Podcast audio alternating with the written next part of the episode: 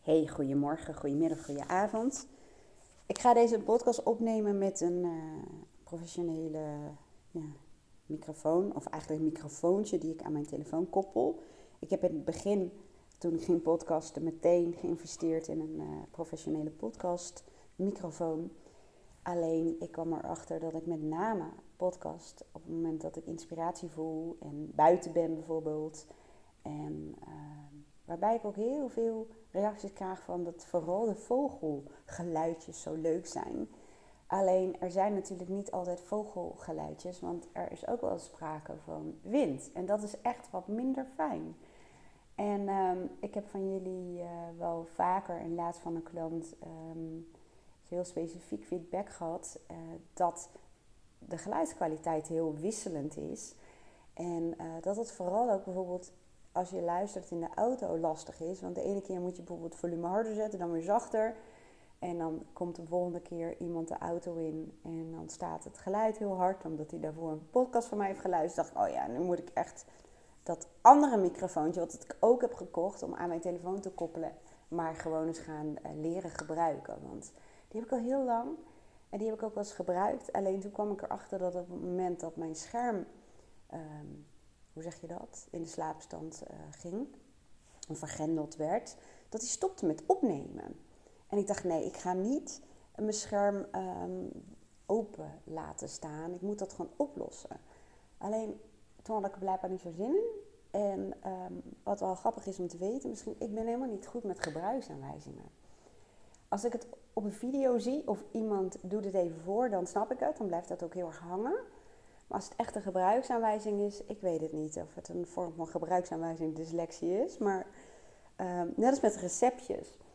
Ik heb, uh, een, nou ja, weet ik veel, vorig jaar of het jaar ervoor ontdekt dat je via Pinterest um, receptjes op, op video's kunt uh, bekijken. Dat zal vast op YouTube ook zijn. Nou, dat lukt me veel beter dan wanneer het een recept is die uitgeschreven is. Maar goed, we gingen niet over recepten praten, want dat is echt totaal niet wat je op mijn podcast kunt um, nou ja, kunt halen, zullen we maar zeggen. Daar zijn andere experts voor. Maar deze podcast um, gaat over um, psychocybernetics. Dat is een term die is van Maxwell Huppeldepup, geloof ik. Nou ja, het maakt eigenlijk niet uit van wie die term is, want volgens mij, het boek wat ik daarover heb, um, de auteur, volgens mij is de term ook niet van hem. Dus van wie de term is, weet ik eigenlijk niet. Maar ik ga je zo meteen uitleggen um, wat het is. En dat het vaak zorgt dat je hetgeen wat je graag zou willen ervaren of bereiken in je leven, waardoor het niet lukt om dat te behalen of als het ware vast te houden. En dan ga ik gewoon even overstappen van de term psycho-cybernetics naar um, de beschrijving ervan. En dat is namelijk, um, en die heb ik ook niet zelf bedacht hoor, die wordt in het uh, boek ook uh, genoemd. Ik zal het linkje wel even um, bij de show notes neerzetten. Maar um, de innerlijke thermostaat. En de auteur die beschrijft psychocybernetics aan de hand van die innerlijke uh, thermostaat. En dan gebruikt hij een metafoor van een echte thermostaat. Dat stel dat jij de thermostaat hebt staan op 20 of 21 graden. Misschien sinds de energiecrisis wat lager, dat kan. Maar laten we heel even 21 graden aanhouden. En op het moment dat het warmer wordt dan dat en je hebt een airco, dan gaat die automatisch koelen om de temperatuur weer terug te brengen naar 21 graden. Op het moment dat het onder de 21 graden komt, ja, dan gaat je cv, je verwarming aan de slag. Um, of wat je daarvoor dan ook hebt. Hè? Want tegenwoordig is dat natuurlijk niet meer het enige. Waardoor de temperatuur weer 21 graden wordt. Dat is als het ware de default instelling. En die default instelling, die heb je voor allerlei andere gebieden in je leven. Bijvoorbeeld je lichaamsgewicht. En nog heel veel andere dingen als het gaat om het lichaam. Maar het lichaamsgewicht is wel eentje die best tastbaar is. Omdat ik bijvoorbeeld mensen in mijn praktijk heb die niet kunnen aankomen. En mensen in mijn praktijk heb die niet kunnen afvallen. Dan denk je, maar in godsnaam, waarom komen ze dan met jou? En jij doet toch niks met afvallen of aankomen? Nee, dat klopt. Maar wel met het mentale stuk daarbij. Want iedereen die wel eens heeft geprobeerd aan te komen of af te vallen, weet dat ehm, het mentale stuk net zo belangrijk is als ehm, het fysieke stuk. Dat wil zeggen bewegen en ehm, ja, voeding. Nou ja, en, en nog een aantal andere zaken waar ik dus niet de expert in ben. Maar het gaat om het mentale stuk wel. Met name omdat uh, in mijn praktijk komt ook vaak naar voren dat bijvoorbeeld overgewicht, maar zelfs ook ondergewicht, ook heel vaak een beschermingsmechanisme is. En als je daarachter komt, wat dat is, waar het als het ware voor zorgt, dan merk je dat dat uh, tot een doorbraak kan, uh, voor een doorbraak kan zorgen. Niet dat je dan meteen hop aankomt of afvalt, maar dat het wel onderdeel uitmaakt van um, je resultaat. Dat als het een heel belangrijk beschermingsmechanisme is, hè, dat je wat overgewicht of ondergewicht hebt. En het is zelfs iets wat um, vaak vroeger voor je gevoel je leven heeft gered, hoe raar dit ook mogen klinken, ja, dan wordt het natuurlijk een heel moeilijk verhaal. Nou, over het lichaamsgewicht met psycho-cybernetics, dat als jij een default instelling hebt, een beeld van jezelf, hè, je identiteit er zelfs aan gekoppeld hebt, aan bijvoorbeeld een bepaald gewicht, um, dan kun je afvallen, je kunt aankomen. Maar zolang die default instelling er nog is, mentaal in je programmering als het ware, dan zul je zien dat je binnen no time weer teruggaat naar dat gewicht. En datzelfde geldt voor heel veel andere gebieden. In de liefde bijvoorbeeld. Dat als jouw ervaring heel erg is, en het hoeft niet per se alleen maar je eigen ervaring te zijn, maar misschien wel wat je hebt waargenomen bij, bij je ouders of andere mensen die invloed op je hadden.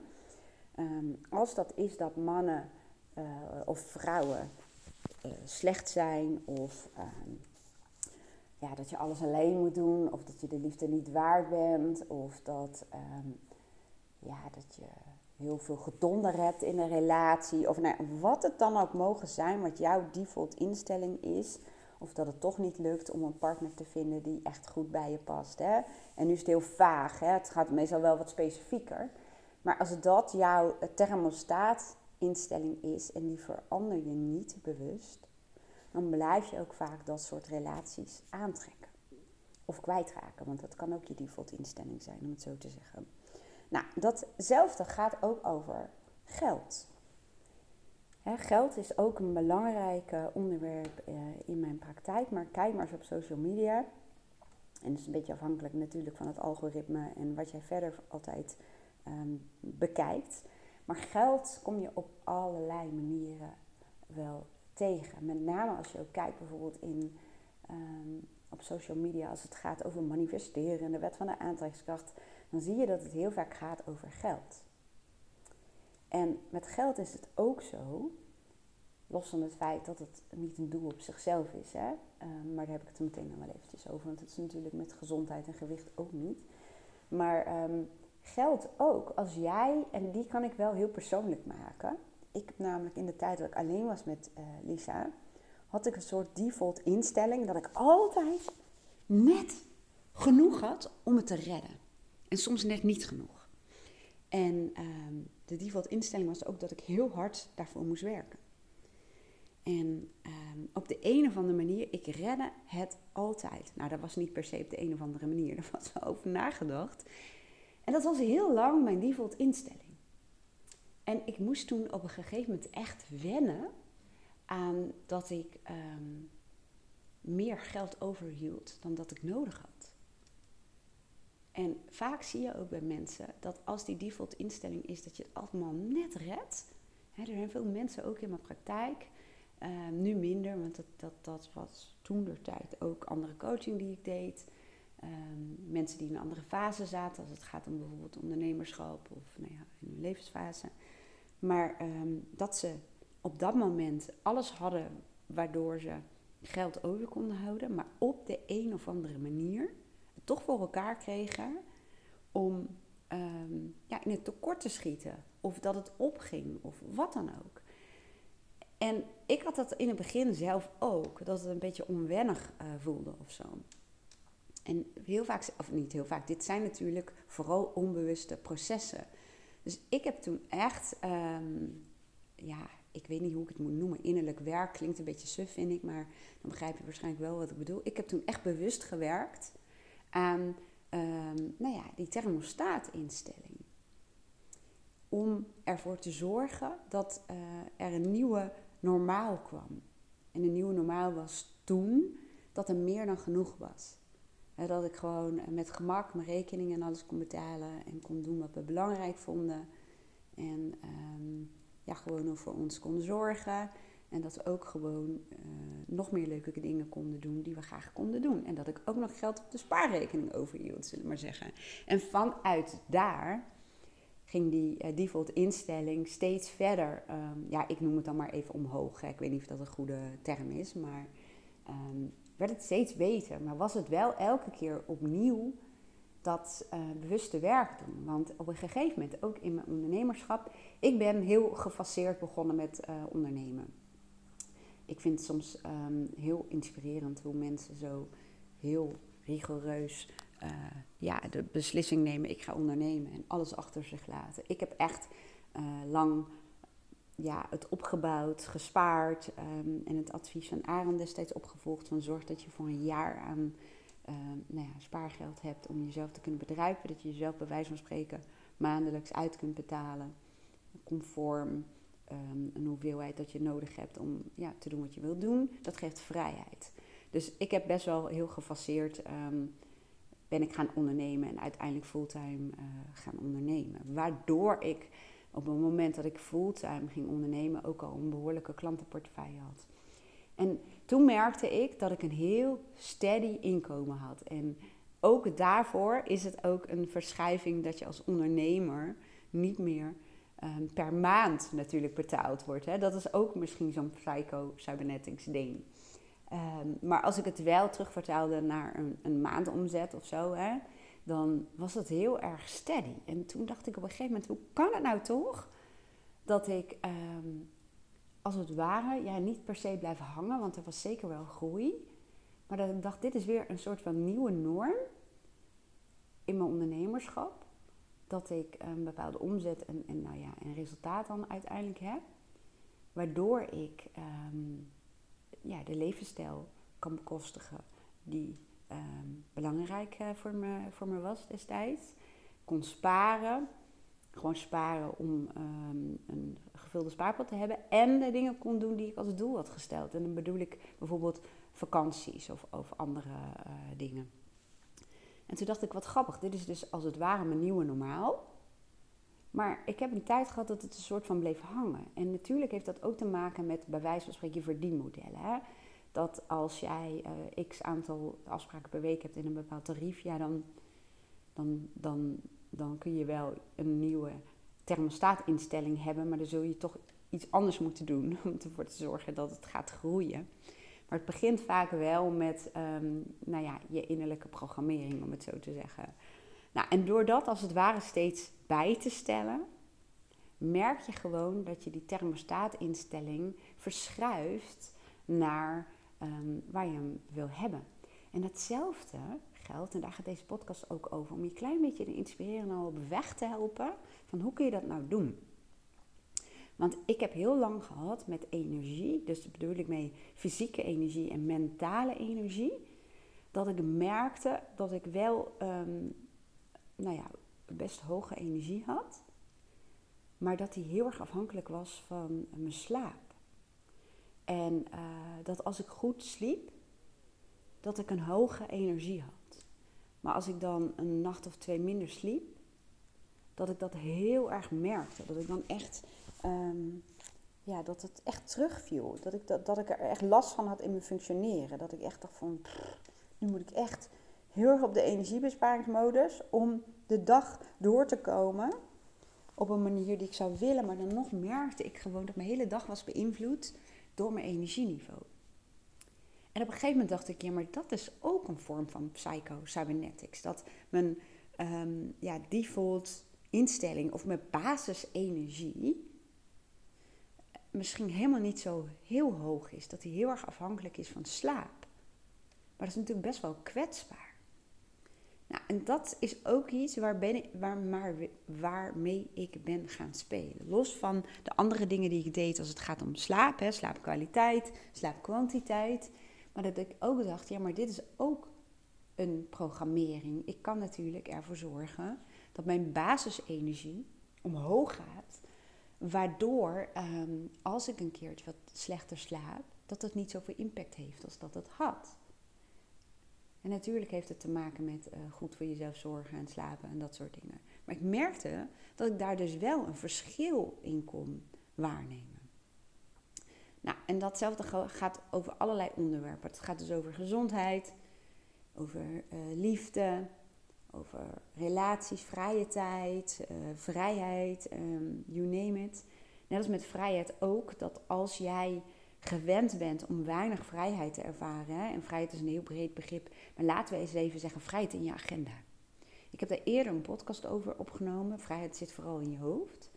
Um, omdat ik toen zelf merkte van mijn verlangen was er een, uh, meer vrijheid in mijn agenda. En dat is heel vaag zoals ik dat nu beschrijf. Dat heb ik echt heel specifiek gemaakt. En dat had ik toen gecreëerd, maar ik voelde hem niet. Dus ik had de vrijheid. Maar ik voelde hem niet. Dat ik dacht, hè, hoe dan? En dat heeft ook weer te maken met die default instelling. Dat mijn uh, programmering nog stond op een tekort aan vrijheid. Terwijl mijn agenda liet zien dat er vrijheid was. En die ging dan toch weer invullen met allerlei dingen, waardoor ik die vrijheid ook niet meer ervaarde. Ervoer, ervaarde. Dat zijn allemaal van die voorbeelden van, zoals um, ja, Maxwell heet hij geloof ik, uh, psycho-cybernetic, zoals hij, uh, psycho-cybernetic, zoals hij dat noemt. Maar die default instellingen, dat je mindset of je identiteit het gaat nog verder dan je mindset. Je identiteit moet zijn van ehm, dat je een persoon bent die vrijheid heeft. En datzelfde geldt voor gezondheid en bepaald lichaamsgewicht wat goed bij jou past en wat ervoor zorgt dat je het leven kunt leven wat jij belangrijk vindt.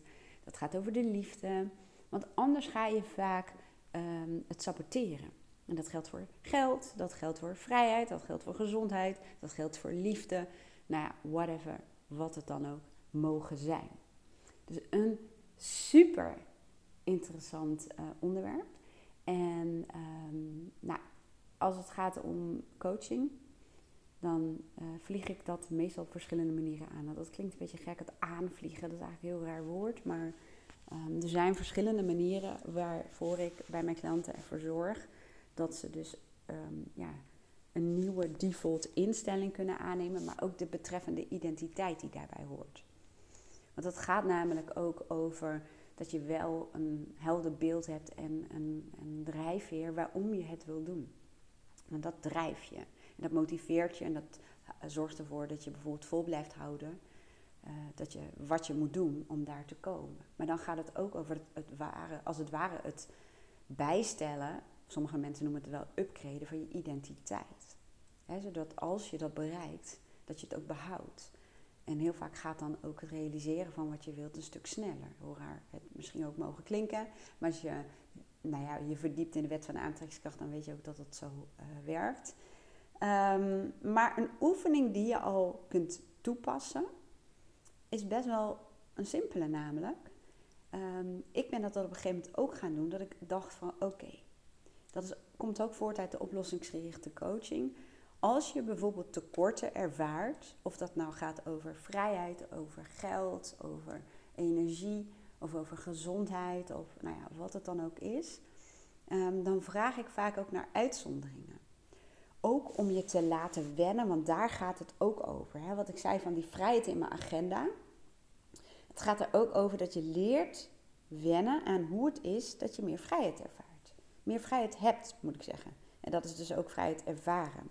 Hoe het is, hoe het voelt als je bijvoorbeeld aangekomen bent. Dus het um, gewicht hebt wat, wat je graag zou willen. Of als je wellicht, ben even bezig met de open haard, dan ben ik ook wel benieuwd of je dat dan minder hoort door die microfoon. Maar goed, dan ga ik straks wel even luisteren. Maar hoe het voelt als je bijvoorbeeld dat gewicht hebt wat belangrijk voor het is, hoe het voor je is, hoe het voelt als je um, nou ja, de relatie hebt die je graag zou willen hebben. Of de hoeveelheid geld, of eigenlijk met name wat je er dan mee doet. Hè? Want daar gaat het natuurlijk uiteindelijk om. Geld is maar een middel. Hoe dat voelt. Nou, ik, zou, ik vraag dan vaak naar uitzonderingen. Als je zegt er is een tekort in geld, Ja, ik heb wel eens mensen die zeggen, ja, op de een of andere manier lukt het me moeilijk om het geld vast te houden. Dus dan, dan is er geld en op de een of andere manier is het dan binnen no time op. Dus ehm, bij zo'n persoon kan het zijn dat die een default instelling heeft van er is geld om rekeningen en dergelijke te betalen en nog een beetje meer. En dan vraag ik naar uitzonderingen, want het is, want dan, het is in dit geval een ze waar ik aan denk, die zegt, ja weet je, heel eerlijk gezegd vind ik hem ook best lastig om me voor te stellen hoe het is als ik een spaarrekening heb waar heel veel meer geld op staat dan wat ik nodig heb. Meer geld dan nodig is voor de doelen die ik heb. Het voelt alsof onbewust voelt het alsof het niet klopt of zo, of alsof het niet kan, of uh, deze zegt dan alsof ik het niet verdien. Nou, allemaal onbewuste programmeringen en dat hoeft niet per se belangrijk zijn om daarachter te komen wat dat is. Maar dan uh, vraag ik aan haar bijvoorbeeld, ja, op welke andere gebieden in je leven heb je bijvoorbeeld wel heel veel meer dan dat je nodig hebt. En dat is gewoon een beetje het spelen met een gevoel krijgen dat het mogelijk is om heel veel meer geld, in haar geval op haar rekening, spaarrekening, dan te hebben staan dan nu. Want ze zei ook, ja, ik weet dan ook niet zo goed, wat moet je er dan mee? En, en nou ja, allemaal, uh, hoe zeg je dat, blokkerende overtuigingen. En zij kwam met voorbeelden ook over haar voorraadkast dat daar heel veel meer in ligt in haar voorraadkast dan wat ze nodig heeft in het dagelijks leven. En dan gaan we ook een beetje spelen. Hoe voelt dat dan? Als je zoveel in je voorraadkast hebt staan, terwijl dat meer is dan dat je nodig hebt in dagelijks leven. Nou, dan beschrijft ze hoe dat voelt en waarom dat is en waarom dat dus een prettig gevoel geeft. Nou, en zo ging ze door op verschillende gebieden in haar leven waar ze wel meer heeft dan dat ze nodig heeft om comfortabel te worden met het gevoel en het idee dat je, ja, sommige mensen noemen dat de overvloed kunt hebben. Dat je dus meer hebt van, nou ja, in dit geval gingen we het hebben over geld, dan wat je nodig hebt. En zo kreeg ze een steeds beter gevoel erbij, werd ze steeds meer comfortabel met het idee. Want ze vonden het in het begin lastig, want die volle voorraadkast, die voelde ze heel duidelijk. Vond ze ook logisch en die snapte ze ook waarom ze dat had. Ehm, en dat voelde niet als dat ze zichzelf daarin ging saboteren.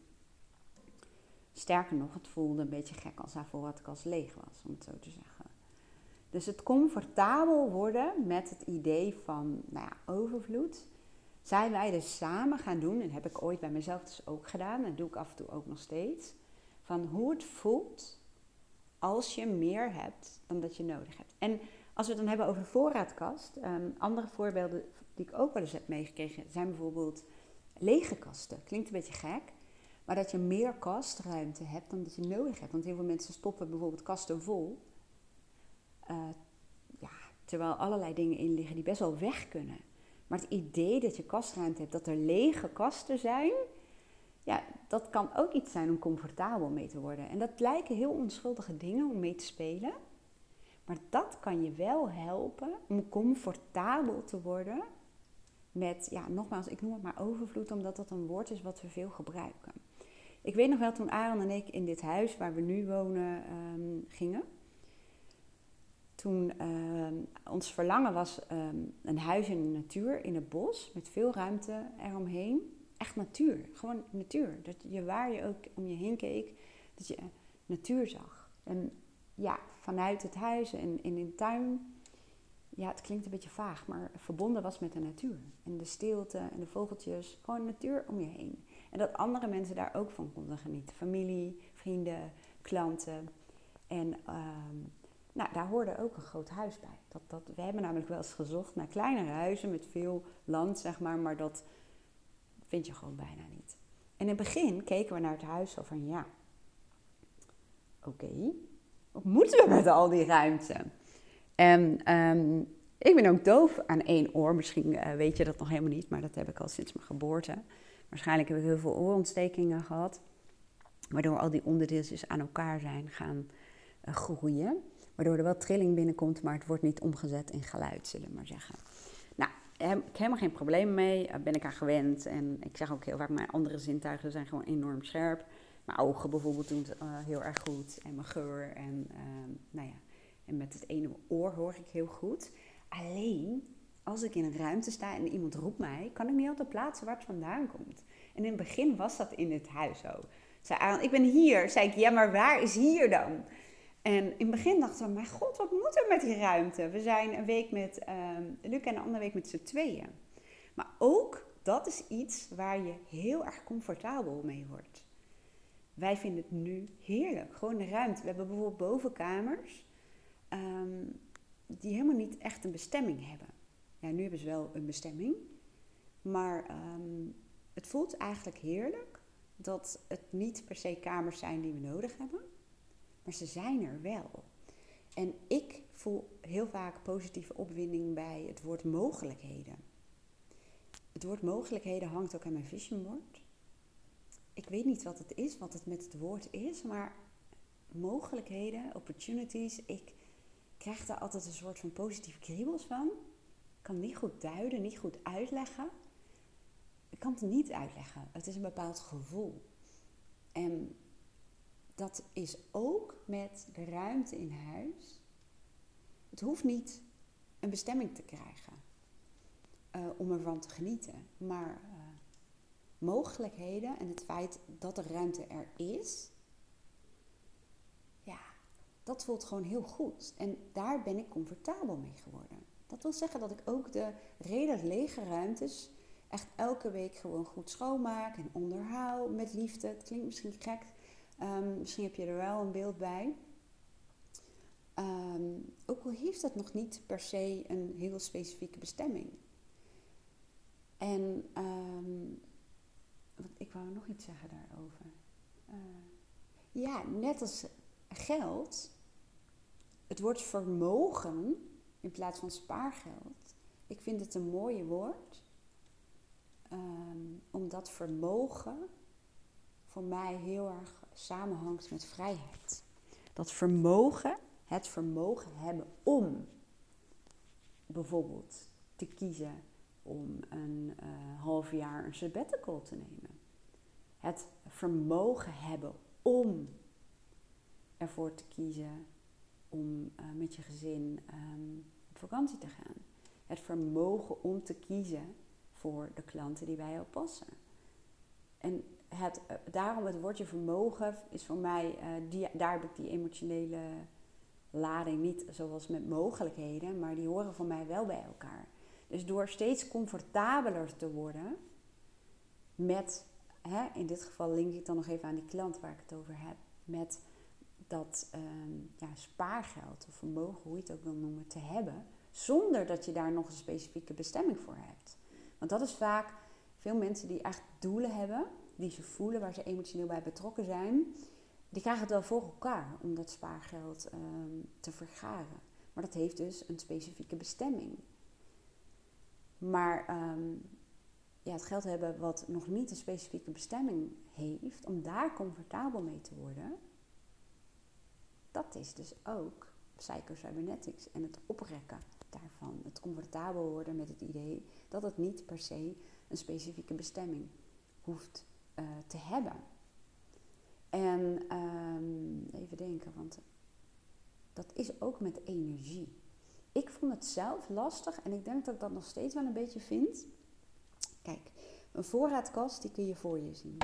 Een uh, spaarrekening uh, of een beleggingsrekening, whatever hoe jij het voor je ziet, kun je ook nog voor je zien. Die kun je best tastbaar maken. Um, een liefde, een relatie uh, waar je van, dan kun je ook nog wel voor je zien. Maar energie, ik vond het zelf heel lastig en nog steeds wel. En nu ga ik even de open haard vullen.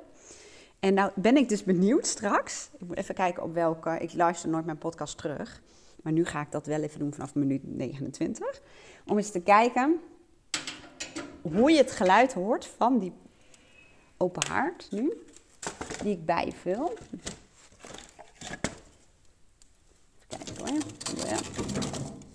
Zo.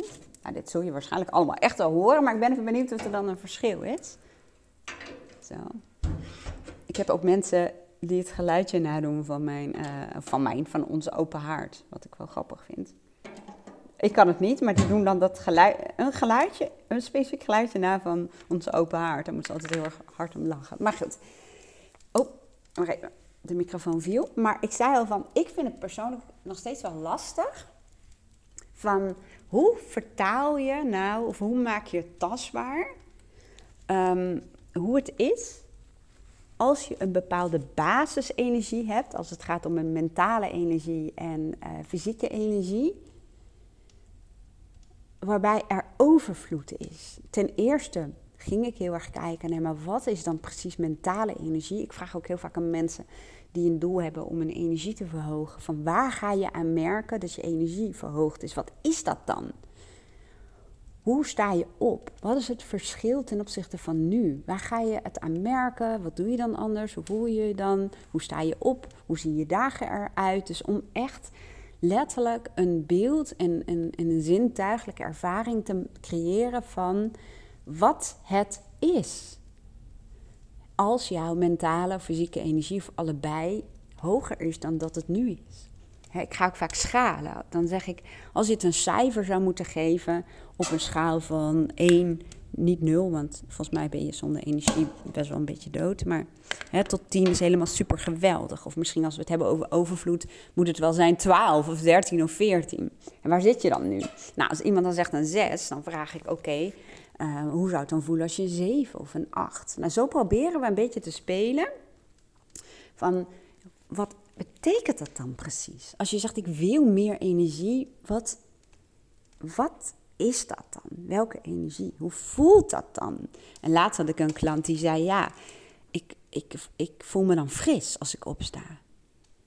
En zo zijn we doorgegaan en het gevoel wat hij had bij het woordje fris en helder, helderheid in zijn hoofd en wat het dan betekende, frisheid en helderheid, die voelde die. Die voelde die gewoon. Ehm, en voor mij, ik denk ook wel eens van, kijk, als je een telefoon hebt, dat is ook zo'n voorbeeld waarbij mensen meestal wel comfortabel bij zijn dat hun telefoon um, bijvoorbeeld geladen is uh, op 87 procent. Eh, terwijl je niet die 87% nodig hebt voor de processen die je op dat moment nodig hebt. Maar ja, iedereen weet wel dat een volle telefoon een fijn gevoel geeft. En dat als je thuis komt en hij is op 60%, gooi je de meeste mensen weer aan de lader. Dus bij je telefoon heb je ook een gevoel, er zit een accu in. En daar wordt het opgeslagen. En uh, dan kun je het gebruiken. En dat betekent dat je de hele dag door kunt doen wat je wilt doen met je telefoon. Zonder dat je bang hoeft te zijn dat hij uit is en dat je niet meer kunt doen wat je wil doen. Zie je, dit is ook het spelen, maar ik vond het wel lastig en nog steeds hoor. Dus als je aanbevelingen hebt, let me know. Van, uh, maar dat komt ook omdat ik waarschijnlijk geen bioloog of arts ben.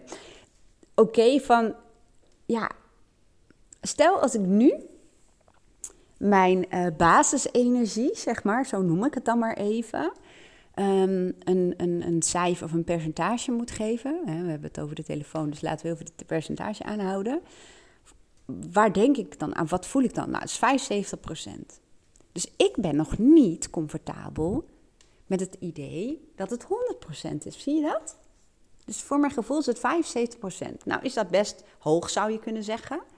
Maar heel eerlijk, als je kijkt naar een telefoon, 75 procent. De meeste mensen laden hem, uh, volgens mij is dat helemaal niet goed voor je telefoon, maar dat even terzijde, naar 100 procent of 90 of zo. Dus je zou kunnen zeggen, als ik dan naar mijn lichaam kijk, 75 procent, dan is het ook best logisch dat als ik dan uh, één of twee nachten minder slaap heb, dat ik dat merk en dat het dan fors naar beneden gaat. En ik denk dan ook, ja, maar ik, dat is mijn belemmerende overtuiging. En ook dat, als we het hebben over psychocybernetics, van maar waar blijft dat dan? Zo van, ik kan me blijkbaar wel voorstellen, voelen hoe het is. Voelen, het is meer voelen. Ik, kan me, ik heb niet per se een beeld daarvan. Ik zie mezelf niet rondlopen met een accu ergens in mijn buik of zo. Ik kan me dat gewoon niet voorstellen. Misschien moet ik daar ook mee ophouden, dat het hem daarin zit. Dat het ook niet is wat je kunt voorstellen, maar dat je het voelt. Ik voel wel die 75%. Maar ik zou het wel heel erg chill vinden dat hij naar 90 of 100 procent gaat. 110. Nee, nou goed. Maar ik, ik merk dat dat stukje. Ik zit heel erg te zwaaien met die microfoon. Dus ik ben echt heel benieuwd hoe het zo meteen is, het geluid. Uh, Aan zag ook altijd: Oh, je kan echt niet stilstaan. Alles beweegt bij jou. Hij zegt dat jij nog nooit iemand hebt geslagen per ongeluk in je enthousiasme terwijl je iets aan het vertellen was, mogen echt een wonder zijn. Ik heb ook echt geleerd, ik wip ook altijd met mijn voeten en zo, om tijdens sessies gewoon heel rustig erbij te zitten. Dat niet mijn, mijn benen alle kanten op zwiept. Want dat is natuurlijk niet relaxed. Dus daar gaat het heel natuurlijk. Maar als ik aan het podcasten ben, uh, niet, zeg maar. Dus nu ben ik met mijn hand, waarin ik die microfoon vasthoud, aan het zwiepen. Maar daarom er zit ook een daspeld op. Dus misschien is dat de volgende, dat ik hem gewoon even vastmaak. Goed, we waren gebleven bij dat ik me dus comfortabel voel bij die 75%. Maar dat ik nog niet kan voelen of een voorstelling kan maken hoe het is als je 90 of 100% geladen bent, zeg maar. Dus nou, please, als jij dat wel hebt of het kunt uitleggen, misschien ben je wel arts. Ik weet dat ik arts heb binnen mijn klantenkring, of misschien ben je bioloog, of kun jij wel mij een gevoel geven, een beeld schetsen. Ja, hoe dat is. En zo lang jij dat niet kunt, het is ook aan mij hè, om te kijken, oké, waar ga ik dan meer aan merken als het dan nu 75% is? En ik kan ook dus vanuit het contrast gaan kijken. Dus ik merk nu, dus als ik twee nachten slecht slaap of weinig slaap, te laat naar bed ga, daar komt het dan meestal op neer of dat we iets hebben gehad, waardoor we laat thuis waren. En mijn um, default instelling van wakker worden, nou valt dus ook mijn microfoon, is tussen half zes en zes uur. Ook in het weekend, ook als ik om twee uur in mijn bed kom. Um, dus dat is ook een default instelling, zullen we maar zeggen. Maar dan merk ik het echt aan mijn functioneren. Ik merk het aan mijn levenskwaliteit, aan mijn geluk. Ik, ik voel me echt zo en kan minder goed nadenken, minder helderheid. Ik heb minder zin in dingen. Mijn inspiratie is lager. Um, ik ben wat kattiger, wat meer op mezelf. Dus de energiebesparingsmodus waar ik ook best wel veel over een podcast heb. Um, en stel dat ik dan een default instelling zou hebben uh, van een basisenergie van, nou ja, 90% of 100, waar ga ik dat dan aan merken? Nou, misschien is het dan zo als ik één nacht uh, of twee nachten later naar bed ben gaan in de slaap, dat ik nog steeds helder ben en dat ik me fris voel. En ja, dat ik het wel merk, maar dat ik nog steeds. Um, dat is denk ik het verschil. In plaats van in de survival modus daar, de overlevingsstand, de energiebesparingsmodus, dat ik in de, ik noem dat dan de creatiemodus sta. Dus van overleven naar leven. Dat ik dan uh, me fris voel. En ja, tuurlijk zul je dat wel merken, want in mijn beleving is slaap gewoon heel uh, belangrijk. Maar misschien als die basisenergie nog veel hoger is, dat je merkt dat het minder impact heeft op je. En dat is denk ik het werk ook. Um, een van de dingen die ik uh, doe. Hè? En mocht jij nou denken, oké, dus dit is iets wat je kunt doen, waar je mee kunt spelen. Hè? Ik heb twee dingen eigenlijk genoemd. Word comfortabel met, um, ik noem het dan even overvloed, omdat het een term is die heel veel mensen gebruiken. Kijk eens op andere plekken in je leven uh, waar er al overvloed is en waar je dus heel comfortabel bent daarmee. Je benzinetank bijvoorbeeld. Hè, tank jij altijd net um, zoveel dat je boven je reservetank uh, zit, of tank je uh, een volle tank? En daar ben je waarschijnlijk ook comfortabel mee, dat als je gaat tanken, dat je meteen je tank helemaal vol gooit. En bij mij uh, ben ik dus ook aan het spelen met die schaalvragen, hè, van, maar ook met um, van wat je niet wil naar wat je wel wil. Dus probeer je een beeld te vormen dat als dat probleem of, of het verlangen wat je hebt is opgelost. Ik heb dus niet meer een basisenergie van 75%, maar ik heb een basisenergie, ik denk aan 91%. Maakt niet uit waar het vandaan komt, slaat nergens op. Waarschijnlijk is dat gerelateerd aan mijn telefoon. Maar stel dat ik dat heb, waar ga ik dat aan merken? Wat is het verschil in mijn leven? Wat maakt het voor verschil? um, in mijn relaties, in hoe ik me voel, in de activiteiten die ik onderneem. En nu voel ik al, klinkt heel gek en ik weet dat het technisch niet mogelijk zou kunnen zijn. Van ja, maar 130% zou dan nog veel beter zijn. En nogmaals, technisch is niet mogelijk, maar ik heb het gevoel wel van ja, waarom ga ik niet voor 130? Hoe zou dat zijn? Wat voor verschil zou dat maken? En ehm, nou ja, dat. Als jij nou denkt, oké, dit vind ik een super interessant antwoord, of uh, podcast. hoe kom ik nou weer bij antwoord? Ik zit aan vragen te denken. Maakt niet uit, zo gaat het. In mijn hoofd ook wel eens. Maar als je denkt van, um, ik wil hier wel wat mee, maar wat? Ik heb hier niet een concreet online uh, programma voor of een online cursus. Of ik ben nog steeds aan het zoeken naar de beste woorden ervoor. Want programma klinkt heel zwaar en ingewikkeld en langdurig en intensief. Nou, dat is het helemaal niet. Ehm, een cursus vind ik ook een beetje een apart woord. Een tool vind ik ook een apart woord. Maar ik heb even niks anders nog steeds niet in de aanbieding. Moet ik gewoon eens voor gaan zitten, denk ik, met mensen die uh, hier gewoon heel goed in zijn. Ik niet zo te horen. Maar uh, een online tool of iets dergelijks, heel concreet, die heb ik nog niet staan in mijn academy.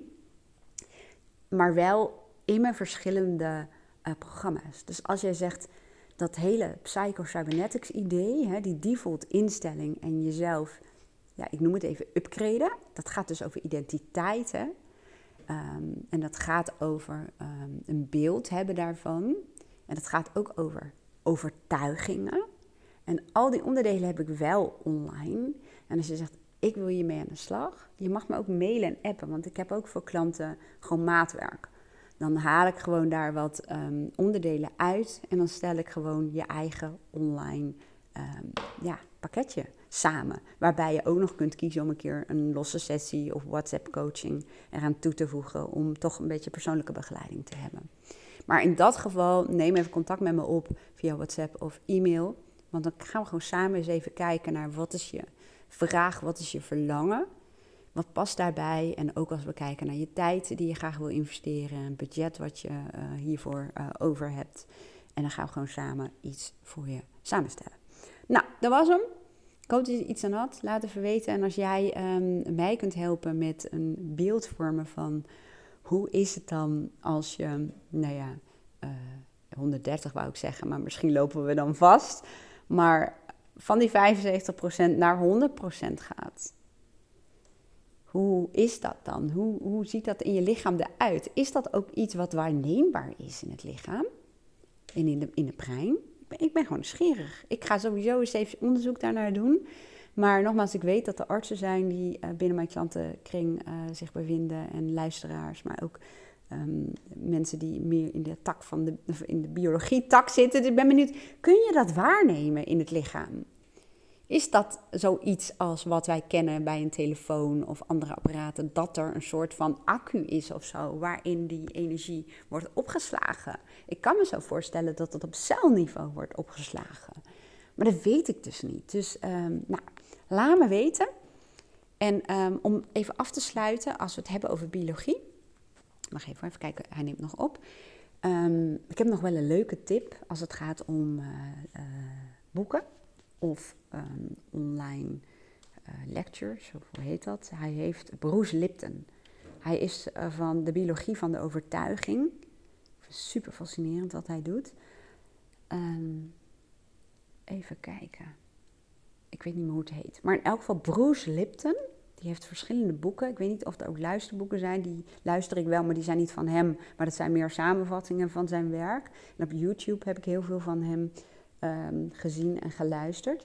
Maar die is ook echt wel een aanrader um, om eens naar te luisteren. Dat is Bruce Lipton. Ik zet wel even een linkje hieronder naar de boeken die ik in ieder geval gelezen heb erover. Nou, ik wens je een hele mooie dag. En um, ik zou het super leuk vinden dat als je deze podcast luistert via YouTube, dat je even een like achterlaat. Dus een duimpje omhoog. Dat je abonneert. En als je dit luistert op een van mijn pod of een van de podcastkanalen die er zijn Apple, Spotify, dan laat ook even een sterretje achter. En het liefst vijf natuurlijk, volgens mij zijn het vijf sterren die je kunt geven. Um, ja, om mijn podcast te waarderen en om ervoor te zorgen dat ik steeds maar blijf groeien met mijn podcast. Ik wens je een hele mooie dag en heel graag tot de volgende keer. Nog even voordat je gaat, misschien ben je al weg en hoor je dit helemaal niet meer, maar wat me te binnen schoot. Ik zit je gewoon net te vertellen dat ik niet iets concreets heb staan in mijn online eh, shop of academy, hoe je het ook wil noemen. Maar dat is helemaal niet waar, dacht ik net. Want ik heb daar de wishlist staan. De wishlist is een methode. En het klinkt wel heel cliché en het klinkt misschien heel verkoperig. Maar um, ik zou bijna zeggen, geloof me als ik het zeg. Maar het is echt een hele krachtige methodiek om de kracht en het potentieel van je eigen brein veel meer te gebruiken. En als je daarvan houdt en erin gelooft en misschien ermee bezig bent, om te manifesteren met behulp van de wet van de aantrekkingskracht. En andere universele wetten moet ik er even bij zeggen. En deze wishlist, of eigenlijk de methodiek, ik ben hem de wishlist gaan noemen. Ik weet al niet eens meer waarom ik hem zo ben gaan noemen. Maar dat kwam tot stand. Ik heb dat al jaren gedaan uh, voordat ik het überhaupt met mijn klanten ging doen. En uh, sinds ik dat ben gaan doen, ik heb echt zo ongelooflijk veel positieve reacties gekregen. En nog steeds, omdat het een methodiek is die mensen meerdere keren per jaar ook uh, doen. En heel veel mensen doen het met name aan het einde van het jaar, begin van het jaar, maken ze zeg maar hun volledige wishlist. Het is dus niet een wat wil ik voor Sinterklaas of kerst hebben lijstje. Um, het gaat veel verder dan dat. Het gaat erom dat je, als we het ook hebben over psychocybernetics, hè, als we het hebben over meer energie, geld, gezondheid, liefde, vrijheid of wat het dan ook is wat je in je leven wilt, dat je dat gaat opschrijven alsof het al zo is. En dat lijkt misschien makkelijker dan dat het is. Ik loods je met die methodiek ook helemaal door, doorheen. En ik deel ook voorbeelden van mezelf uh, met je. Er staat een wishlist in ook van een paar jaar geleden. En concrete voorbeelden zet ik erin. Um, je schrijft het dus zo op alsof het al gewoon een feit is. Zonder dat je je bemoeit met het hoe dat zo gekomen is. En dat is best wel een, een, een, ja, moet ik het zeggen? Een manier van denken en je zintuigen combineren. Um, ja, wat, waar je eventjes voor moet gaan zitten. En wat je waarschijnlijk niet gewend bent om dat zo te doen. En dat is wel waar ook dat hele psychocybernetics over gaat. Je hebt een default instelling. En dat is een stukje programmering of scripting, hoe je het eigenlijk ook wil noemen. Waarbij je ervan uitgaat dat je, um, of, nou ja, dat je heel goed een beeld hebt van je huidige instelling. En um, je hebt de bewijzen daarvan. Je weet hoe het is. Het is een bepaalde norm, een normaal. En om dat te veranderen heb je wel nodig dat je ja, een beeld hebt en een gevoel hebt bij, bij wijze van spreken een zintuigelijke ervaring, bij hoe het is als iets gerealiseerd of gemanifesteerd of opgelost is. En daar help ik je dus mee met deze online, ja, ik noem het altijd maar even een course of een cursus, whatever wat. Het is in ieder geval gewoon simpel een hulpmiddel. Dus ik kom even terug op wat ik eerder zei. Dat ik niet iets concreet heb staan in mijn online uh, academy. Dat is dus niet waar. En ik weet dat heel veel mensen naar aanleiding van een podcast de behoefte hebben om iets concreets ermee te gaan doen. Zodat het niet alleen maar blijft bij inzichten of oh ja, dat herken ik wel. Maar dat het ook leidt tot de gewenste verandering. Nou, ik kan echt waar de wishlist van harte aanbevelen. En um, mocht je dit luisteren via de podcast. Um, ik ga bij 10 van de aanmelders voor de wishlist, ga ik gratis een feedback geven. Dus de eerste 10 die zich aanmelden, die krijgen van mij, ik zit even te kijken, het is nu maandag 6 november, een uh, feedback sessie, zeg maar. Dus dan stuur je me in je krijgt dan uh, van mij feedback om ervoor te zorgen dat uh, jouw wishlist nog beter wordt. Dus eigenlijk is het gewoon een stukje persoonlijke coaching die je erbij cadeau krijgt. Maar het is dus alleen voor de eerste tien mensen die zich aanmelden. Ja, en hoe um, weet jij of je erbij zit? Of hoe, hoe uh, bewijs ik dat? Nou ja, dat kan ik niet. Dat, uh, ik kan niet zeggen dat jij er wel of niet bij hoort, maar geloof me, ik kan natuurlijk aan de datum zien in het tijdstip waarop ik dit uh, plan, of, hè, deze podcast plaats, kan ik zien daarna welke bestellingen binnen zijn gekomen. Nou, en handig om te doen misschien is om, um, als je dat hebt gedaan, stuur me dan ook even een, mailtje dat je besteld hebt.